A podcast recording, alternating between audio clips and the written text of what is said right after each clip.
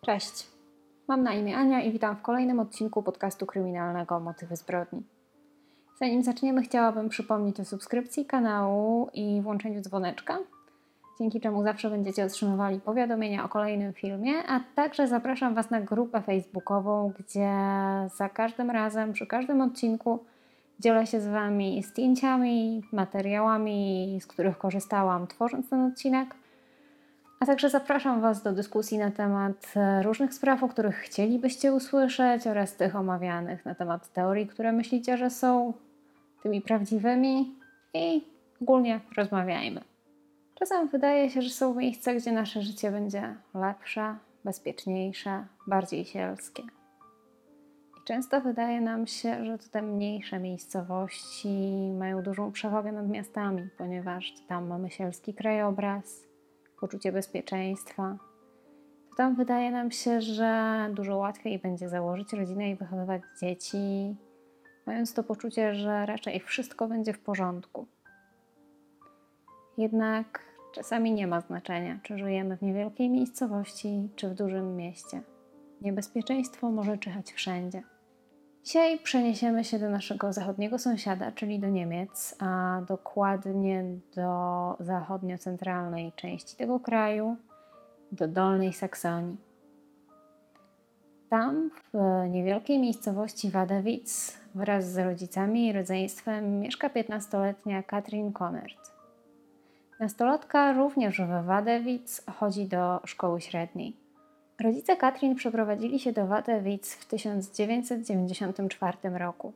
38-letni wówczas Frank Conard, który pracował jako ochroniarz, oraz jego 39-letnia żona Heidrun postanowili, że chcą przeprowadzić się do mniejszego miejsca z miasta Magdeburg, gdzie mieszkali wcześniej, wierząc, że to będzie dużo lepsze środowisko, aby założyć rodzinę, wychowywać dzieci i pieść to spokojne, sielskie życie w domu z ogrodem. Jako takie swoje wymarzone miejsce do zamieszkania w Wadewic para wybrała rejon, który nazywał się Grossgadau i tam też znaleźli dom, który miał być ich oazą spokoju.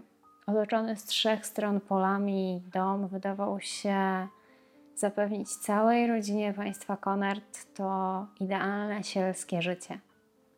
A rodzina państwa Konard nie była mała, ponieważ Frank i Heidrun mieli aż sześcioro dzieci.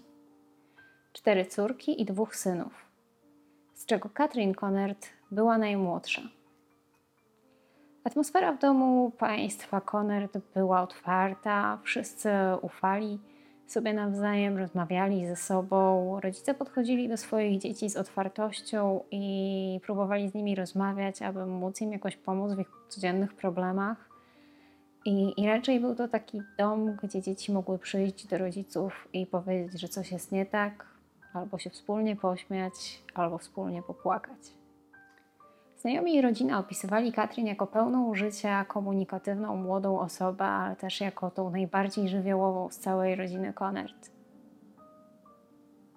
Dziewczyna dobrze się uczyła, nie miała żadnych problemów w szkole. Jednak w ostatnim czasie sporo osób z otoczenia Katrin zauważyło, że w życiu i w zachowaniu Katrin coś się zmienia. Nawet chłopak jednej z jej starszych sióstr to zauważył.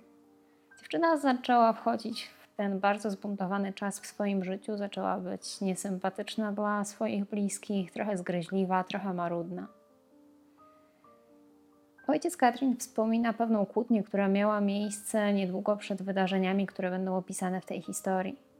A mianowicie przyłapał swoją córkę na popalaniu papierosów i nie do końca był z tego faktu zadowolony, przez co między nim a córką wywołała się dość duża kłótnia – ponieważ ojciec raczej nie chciał, aby jego dziecko truło się używkami. Zaraz po tej kłótni jeden ze znajomych Katrin wspomina, że dziewczyna mówiła, że chciałaby uciec z domu, natomiast nie brał tego na poważnie, ponieważ wiadomo jak jest, kłócimy się ze swoimi bliskimi, mówimy rzeczy, których wcale nie chcielibyśmy zrobić. Poza tym nie jeden nastolatek często wykrzykuje, że chciałby uciec z domu, a nawet jeżeli tego dokona i nawet jeżeli to nie, nie są tylko czcze słowa, to z reguły wraca bardzo szybko do tego domu, czasem nawet tego samego dnia. Biorąc pod uwagę fakt, że Katrin miała raczej dobry kontakt ze swoją rodziną, nie było najmniejszego powodu, aby brać takie słowa na poważnie. Pod koniec 2014 roku Katrin poznała Joachima, który był też znajomym jej najlepszej przyjaciółki Stefani. Katrin i Joachim bardzo szybko zostali parą, natomiast nie byłoby w tym zupełnie nic dziwnego, gdyby nie fakt, że Joachim był prawie dwukrotnie starszy od Katrin. Co mam na myśli mówiąc dwukrotnie? To, że Katrin miała 15 lat, natomiast Joachim był już bliżej 30 niż 20. Dlatego też młoda dziewczyna postanowiła nie mówić nikomu o swojej nowo zawartej znajomości, która wybiegała trochę poza relacje przyjacielskie. I utrzymywała to za wszelką cenę w tajemnicy i przed swoimi rodzicami, rodziną, ale też najbliższymi przyjaciółmi, oczywiście poza Stefani. No i tutaj raczej nie ma nic dziwnego w tym, że Katrin nie chciała mówić swoim rodzicom o relacji z Joachimem, ponieważ podejrzewam, że jeżeli przeszkadzało im, że dziewczyna popala papierosy, to tym bardziej nie byliby zadowoleni z faktu, że spotyka się z kimś, kto jest prawie dwa razy starszy od niej. Joachim mieszkał w miejscowości Bergen an der Dum, która miała jakieś 1400 mieszkańców i była oddalona od Wadewic o około 15 kilometrów. W takiej atmosferze powoli kończy się rok 2000 i nadchodzi ostatnia noc tego roku, czyli Sylwester, 31 grudnia. Ten dzień, a właściwie ten wieczór, Katrin spędza ze swoją rodziną, świętują to zakończenie roku. Bawią się wspólnie, jedzą, śmieją się, robią zdjęcia. Wieczór mija całkiem przyjemnie. Jednak kolejny dzień, czyli nowy dzień nowego roku, pierwszy dzień nowego roku, 1 stycznia 2001 roku, Katrin planuje spędzić już w trochę inny sposób, ponieważ od jakiegoś czasu ma w planach wizytę u swojego chłopaka Joachima tego dnia. Dziewczyna przygotowuje się i około 14 wychodzi z domu, oczywiście nie mówiąc rodzicom, że, że idzie do Joachima, a mówi im, że ma się spotkać tego dnia ze Stefani Oczywiście przyjaciółka wie o tym, że ma dać jej alibi i trochę jej pomóc. Biorąc pod uwagę fakt, że Joachim nie dysponował w tym momencie swoim samochodem, nie mógł przyjechać po Katrin, aby ją odebrać z Wadewic, natomiast jego kolega chętnie podrzucił dziewczynę swojego, swojego znajomego i nie było żadnego problemu, aby zrobił mu taką niewielką przysługę. Dlatego też około godziny 14.15 Katrin została odebrana z przystanku w Wadewic przez znajomego Joachima, który miał zawieźć ją do miejscowości Bergen an. Po jakichś 15 minutach jazdy docierają razem do miejscowości, gdzie mieszka Joachim. Chłopak tam pod domem Joachima zostawia dziewczynę, a sam jedzie załatwiać jakieś inne sprawy. Tutaj nie do końca jest powiedziane, co on robi przez resztę wieczoru.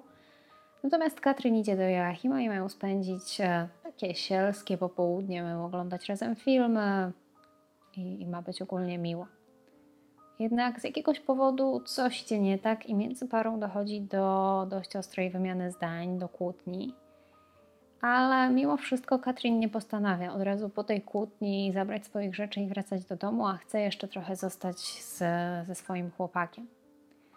Tego dnia do Joachima miała przyjechać również Stefani, czyli przyjaciółka Katrin i, i znajoma Joachima i mieli razem spędzić ten wieczór. Natomiast około godziny 18 Katrin otrzymuje SMS-a od swojej koleżanki, że w związku z tym, że pogoda na zewnątrz znacznie się pogorszyła, ta postanowiła jednak zostać w domu.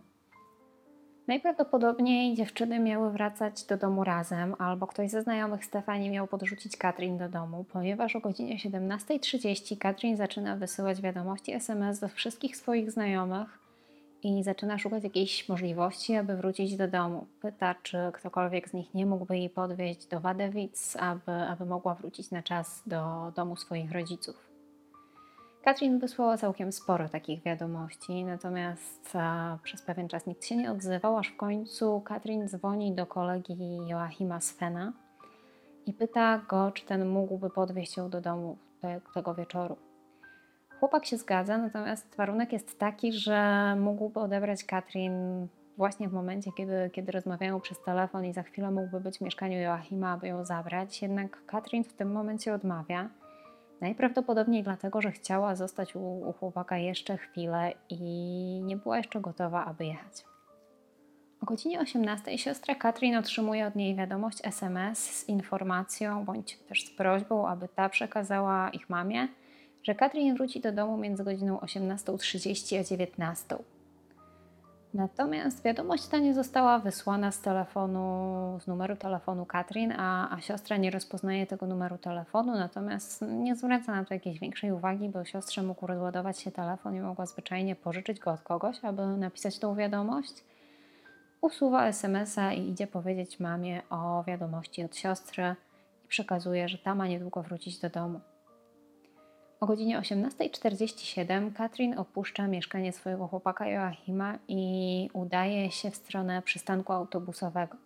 Najprawdopodobniej dziewczyna postanowiła jednak dojechać do Wadewic autobusem, dlatego też e, kieruje się w tamtą stronę. O 19.00 Katrin jest już widziana na przystanku autobusowym, natomiast autobus, którym miała jechać, przyjedzie o 19.30, czyli dziewczyna musi czekać jeszcze jakieś pół godziny. Tutaj trochę mimo wszystko dziwi fakt, że w zimowy, ciemny, zimny wieczór Katrin poszła na przystanek sama i chłopak jej nawet nie odprowadził, aby mógł być pewien, że dziewczyna bezpiecznie wsiadła do autobusu. Kilka minut po 19 znajomy Katrin, Martin, podjeżdża pod ten przystanek autobusowy, widzi dziewczynę, otwiera okno w samochodzie i pyta, czy nie podwieźć jej do domu. Natomiast Katrin jednak odmawia, ponieważ, jak mówi, zna styl jazdy Marcin, Martina i, i też wie, że on jeździ trochę za szybko, a tego dnia naprawdę było ślisko, więc dziewczyna zwyczajnie najprawdopodobniej się bała. Chłopak odjeżdża, a Katrin nadal czeka na autobus. I kiedy ten o 19.30 pojawia się na przystanku, to nikogo na nim nie ma. Katrin już nie czeka na autobus. Nie widział jej zupełnie nikt od momentu, kiedy, kiedy Martin zapytał, czy jej nie podwieźć do domu. A kiedy jej siostra próbuje wysłać do niej wiadomość, to niestety ta nie zostaje dostarczona. W 2002 roku na posterunek policji przyszła pewna kobieta, która tamtego wieczoru miała przejeżdżać niedaleko przystanku, na którym czekała Katrin. Kobieta nie była z okolicy ale wydawało jej się, że ma dość istotne informacje w tej sprawie. Kobieta zeznawała, że około godziny 19 przejeżdżała obok przystanku i widziała czarne BMW, które zatrzymało się obok tego właśnie przystanku i mężczyzna, który siedział w tym samochodzie, rozmawiał z dziewczyną, która wyglądała jak Katrin. Niektóre źródła twierdzą nawet, że to była Katrin. I co ciekawe, kobieta dodaje, że samochód posiadał tablice rejestracyjne z Berlina, który był oddalony od miejsca zamieszkania Katrin jakieś 230 km. Jednak kiedy policja zabrała kobietę na przystanek, z którego zniknęła Katrin i pokazała jej też kilka innych przystanków w okolicy, to kobieta nie rozpoznała żadnego z nich, mimo że bardzo dokładnie to miejsce opisała. I tutaj w głowach policjantów pojawiły się pewne wątpliwości, czy aby na pewno kobieta przejeżdżała przez tą miejscowość i czy aby na pewno widziała coś, co mogło mieć jakikolwiek związek ze zaginięciem Katrin. Kiedy Katrin nie wróciła do domu 1 stycznia 2001 roku, rodzina dziewczyny pomyślała, że być może ta spełniła swoje groźby i faktycznie z tego domu uciekła. Być może miało to związek z e, faktem, że Katrin dość często ostatnio się kłóciła ze swoją rodziną, z rodzicami, z rodzeństwem i być może to spowodowało, że dziewczyna nie wróciła do domu. Ojciec dziewczyny postanowił od razu podjąć jakąś akcję i przez całą noc jeździł po okolicy i szukał swojej córki, wierząc, że być może gdzieś ją zobaczy i będzie mógł ją zabrać do domu. Jednak kiedy to nie przyniosło żadnego rezultatu, postanowił od razu pojechać na policję i zgłosić zaginięcie. Policja na początku również uznała, że nastolatka mogła uciec z domu, jednak nie postanowili przełożyć poszukiwań, a od razu rozpoczęli jakieś działania. I rozpoczęli od przeszukiwania miejsca, gdzie Katrin była widziana po raz ostatni, czyli miejscowości Bergen an der Dum. A także udało im się dotrzeć do Joachima i to jemu postanowili przyjrzeć się w pierwszej kolejności. Zanim Katrin i Joachim zostali parą, ten był związany z siostrą Stefani. W momencie, kiedy się poznali, chłopak należał do gangu motorowego i często zabierał Stefani i Katrin na te spotkania. Kiedy policja przesłuchiwała go w sprawie tego ostatniego wieczoru, kiedy widział się z dziewczyną, powiedział, że w trakcie spotkania się dość mocno pokłócili i Katrin od razu chciała wracać do domu. Zaoferował podobno dziewczynie pieniądze na taksówkę, jednak ta odmówiła i wyszła z mieszkania. Według Joachima to był ostatni moment, kiedy, kiedy widział Katrin i miał od niej w ogóle jakieś wiadomości. Tamtego wieczoru, kiedy Katrin zaginęła, siostra Katrin wraz ze swoim chłopakiem dotarli w jakiś sposób do Joachima i pojawili się w jego, w jego mieszkaniu pytając o Katrin, ale zastali chłopaka pod wpływem alkoholu i narkotyków i powiedział im tylko, że Katrin miała wracać do domu autobusem. Po kilku dniach od zaginięcia dziewczyny Joachim wraz z najlepszą przyjaciółką Katrin Stefani wzięli udział w poszukiwaniach i starali się szukać na własną rękę, jednak nic to nie dało. Policja również przeprowadziła poszukiwania i dokładnie sprawdzili mieszkanie chłopaka, ale nie znaleźli tam żadnych śladów, które mogłyby świadczyć o tym, że jest on zamieszany jakkolwiek w zaginięcie Katrin. Następnie policja przesłuchiwała kolejne osoby, z którymi Katrin się kontaktowała w ten ostatni wieczór przed zaginięciem. I pierwszą taką osobą był Sven, kolega Joachima, który tamtego dnia miał podwieźć Katrin do domu i który również przywiózł ją do Joachima. Według zeznań chłopaka o 17.40 Katrin do niego zadzwoniła i zapytała, czy ten nie odwiedzie jej do domu. Chłopak się zgodził, natomiast Katrin powiedziała, że jeszcze teraz nie chce jechać i odmówiła. Chłopak spędzał ten wieczór ze swoimi znajomymi. Według jego dalszych zeznań około godziny 18.40 Katrin zadzwoniła do niego ponownie z prośbą, aby odebrał ją z domu z Joachima o godzinie 19.00 o godzinie 18.50 Katrin wykonała jeszcze jeden telefon do Svena, natomiast ten był bardzo, bardzo krótki, tak jakby od razu trafił do poczty głosowej, trwał zaledwie kilka sekund. Warto tutaj przypomnieć, że Katrin opuściła dom Joachima o godzinie 18.47, a to połączenie zostało wykonane o 18.50. Kolejne zeznania Svena dotyczące tego wieczoru nie do końca zgadzają się z innymi zeznaniami innych osób, które również były przesłuchiwane w tej sprawie. Chłopak twierdzi, że około godziny 19 wykonał połączenie telefoniczne do pizzerii i chciał zamówić pizzę z telefonu swojej dziewczyny. Natomiast takie połączenie faktycznie widnieje, ale o godzinie 18.18 .18 i nie ma żadnego kolejnego połączenia o godzinie 19. Następnie według jego zeznań pojechał tą pizzę odebrać, jednak w pizzerii też nikt nie pamięta, aby tego wieczoru Sven się tam pojawił. Następnie Sven miał udać się wraz z pizzą do swoich znajomych, z którymi spędzał ten wieczór. Natomiast oni również nie potwierdzają, aby, aby chłopak do nich wrócił. Około godziny 18, około godziny 19.30 Sven miał wracać do domu i miał wtedy przejeżdżać obok przystanku autobusowego, na którym miała czekać Katrin, natomiast już jej o tej porze tam nie widział. O godzinie 20.45 spotkał się ze swoją dziewczyną i udał się razem z nią do baru. Następna osoba, która była przesłuchiwana w sprawie Katrin i która mogła mieć związek z jej zaginięciem, był jej kolega Christian. Jest to osoba, którą Katrin również zapytała o to, czy nie odwiezie jej do domu tego wieczora. Mówi się również, że Christian był zakochany w Katrin, jednak on temu zaprzecza.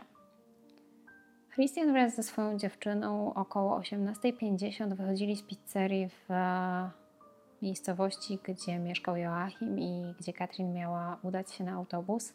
I widzieli dziewczynę, która szła w kierunku przystanku autobusowego i nawet przejeżdżając obok niej pomachali, ona im odmachała i, i wszystko wyglądało ok. Christian odwiózł swoją dziewczynę do domu, po czym pojechał na stację benzynową. Według jego zeznań mijał przystanek autobusowy, na którym miała stać Katrin, ale dziewczyny już tam nie widział. Około godziny 21 Christian wrócił do domu swojej dziewczyny i tam już spędził wieczór. Policja kilkukrotnie sprawdzała mieszkanie oraz samochód Christiana, ale nie byli w stanie znaleźć niczego, co w jakikolwiek sposób mogłoby go powiązać ze zniknięciem Katrin. Kolejną osobą podejrzaną i przesłuchiwaną w sprawie zniknięcia Katrin jest Martin, czyli ten chłopak, który zatrzymał się obok Katrin i zaoferował jej podwiezienie do domu, kiedy ta stała na przystanku. Chłopak miał tego wieczoru dojechać do domu swojej narzeczonej, która mieszkała jakieś dwie minuty od przystanku autobusowego, gdzie czekała Katrin. Byli umówieni na godzinę 20 i Martin twierdzi, że równo o godzinie 20 był u swojej dziewczyny. Jednak ta zeznała trochę inaczej, ponieważ e, bardzo dobrze pamiętała, że Martin przyjechał kilka minut po tym, jak zaczął się jej ulubiony program w telewizji. Zawsze go oglądała i stąd też bardzo łatwo było jej skojarzyć dokładny czas. Program, który dziewczyna oglądała, zawsze zaczynał się o 20.15, stąd też nieścisłość w zeznaniach chłopaka. Według zeznań narzeczonej Martina, chłopak nie chciał się zgodzić na sprawdzenie jego samochodu przez policję, co wydawało się dość podejrzane. Jakieś 5 lat od zaginięcia Katrin wydarzyła się rzecz totalnie niespodziewana. Na numer telefonu siostry Katrin zadzwonił, zadzwoniła kobieta z anonimowego, nieznanego numeru telefonu i kobieta ta miała dość silny wschodnioeuropejski akcent, ale mówiła w języku niemieckim. Powiedziała tylko właściwie jedno zdanie, które brzmiało: Dzwonię w sprawie Twojej siostry, tej, która zaginęła. Czarne BMW, Hamburg. I połączenie zostało przerwane. Późniejszym czasie udało się ustalić, że połączenie zostało wykonane z budki telefonicznej w Norymburgu, jakieś 500 km od miejsca zamieszkania Katrin i całej jej rodziny. I udało się również ustalić, że ta budka telefoniczna była położona w takiej e, przemysłowej okolicy, która według danych, które policja posiadała, mogła być powiązana z prostytucją i handlem ludźmi. Udało się ustalić, że karta, z której wykonano to anonimowe połączenie, została użyta wcześniej do trzech innych połączeń. Pierwsze z nich zostało wykonane na nieaktywny już numer w Wielkiej Brytanii, drugie na numer telefonu do Wydziału Zabójstw w Berlinie, a trzecie do konsultanta biznesowego w Hamburgu. Żadne z tych połączeń nie zostało odebrane. W 2017 roku doszło do kolejnej sytuacji, która mogła mieć jakikolwiek związek z zaginięciem Katrin Konert. Na przystanku, z którego zniknęła dziewczyna, pojawił się wykonany za pomocą kredy napis o treści. Katrin Konert została porwana przez Busse plus Jager. A z tego, co udało mi się dowiedzieć, Jager to dość popularne niemieckie nazwisko, więc może to coś znaczy. Zostało tam również dopisane, aby policja nie kontynuowała poszukiwań, aby nie brała tego jako trop i zostawiła śledztwo. Nie udało się niestety ustalić, czy to graffiti miało jakiś związek faktycznie z zaginięciem Katrin Conert, czy był to swego rodzaju głupi prank. W miejscowości, która była oddalona kilka kilometrów od miasta, gdzie pojawił się jeszcze jeden podobny napis, natomiast ten nie wskazywał już nikogo po nazwisku, a był to jedynie cytat z Goethego, ale napisany dokładnie tym samym rodzajem pisma. W październiku 2018 roku policja postanowiła otworzyć śledztwo w sprawie zaginięcia Katrin Konert jeszcze raz. Chcieli też przypomnieć mieszkańcom miejscowości Bergen-Auderdum o tym, co się tam wydarzyło i chodzili od drzwi do drzwi, rozdając ulotki informacyjne z opisem wydarzeń z 2001 roku, kiedy zaginęła Katrin, jednak to nic nie przyniosło. Natomiast w niemieckich mediach został opublikowany dość obszerny podcast na temat zaginięcia Katrin Konert w kilku odcinkach, który porusza bardzo wiele kwestii dotyczących tego zaginięcia. Są tam wywiady z rodziną i, i opisy tego, co się wydarzyło. W związku z opublikowaniem tego podcastu pojawiła się pewna informacja, mianowicie zadzwonił informator, który nie miał najlepszych wieści, ponieważ wskazał miejsce, gdzie można by szukać ciała Katrin Conert. Natomiast e, jest to jedyna rzecz, jaką policja przekazała do wiadomości publicznej. Cała reszta została gdzieś tam u nich, najprawdopodobniej to sprawdzono. Aczkolwiek wiadomo również, że policja poprosiła tego informatora, aby zgłosił się jeszcze raz. Wskazane przez tego informatora miejsce zostało przeszukane, jednak nic tam nie znaleziono. Policja rozpatruje trzy teorie. Pierwsza z nich jest taka, że Katrin z własnej woli wsiadła z kimś do samochodu, z kimś znajomym bądź nieznajomym i albo doszło do nieszczęśliwego wypadku, albo ktoś z premedytacją postanowił pozbawić dziewczynę życia i, i gdzie się ukrył. Kolejna hipoteza jest taka, że Katrin wsiadła z kimś do samochodu i została porwana, wywieziona do jednego z większych niemieckich miast, takiego jak wspomniany już w tej historii Hamburg czy też Berlin. I tam miała zostać e, zmuszona do pracy jako prostytutka bądź też sprzedana. I trzecią możliwością, która jest brana pod uwagę, jest fakt, że mogło dojść do nieszczęśliwego wypadku. Katrin mogła postanowić pójść do domu pieszo, a była ubrana w dość ciemne ubrania i mogła być niewidoczna na drodze. Ktoś mógł ją potrącić, wystraszyć się, ukryć gdzieś ciało i uciec.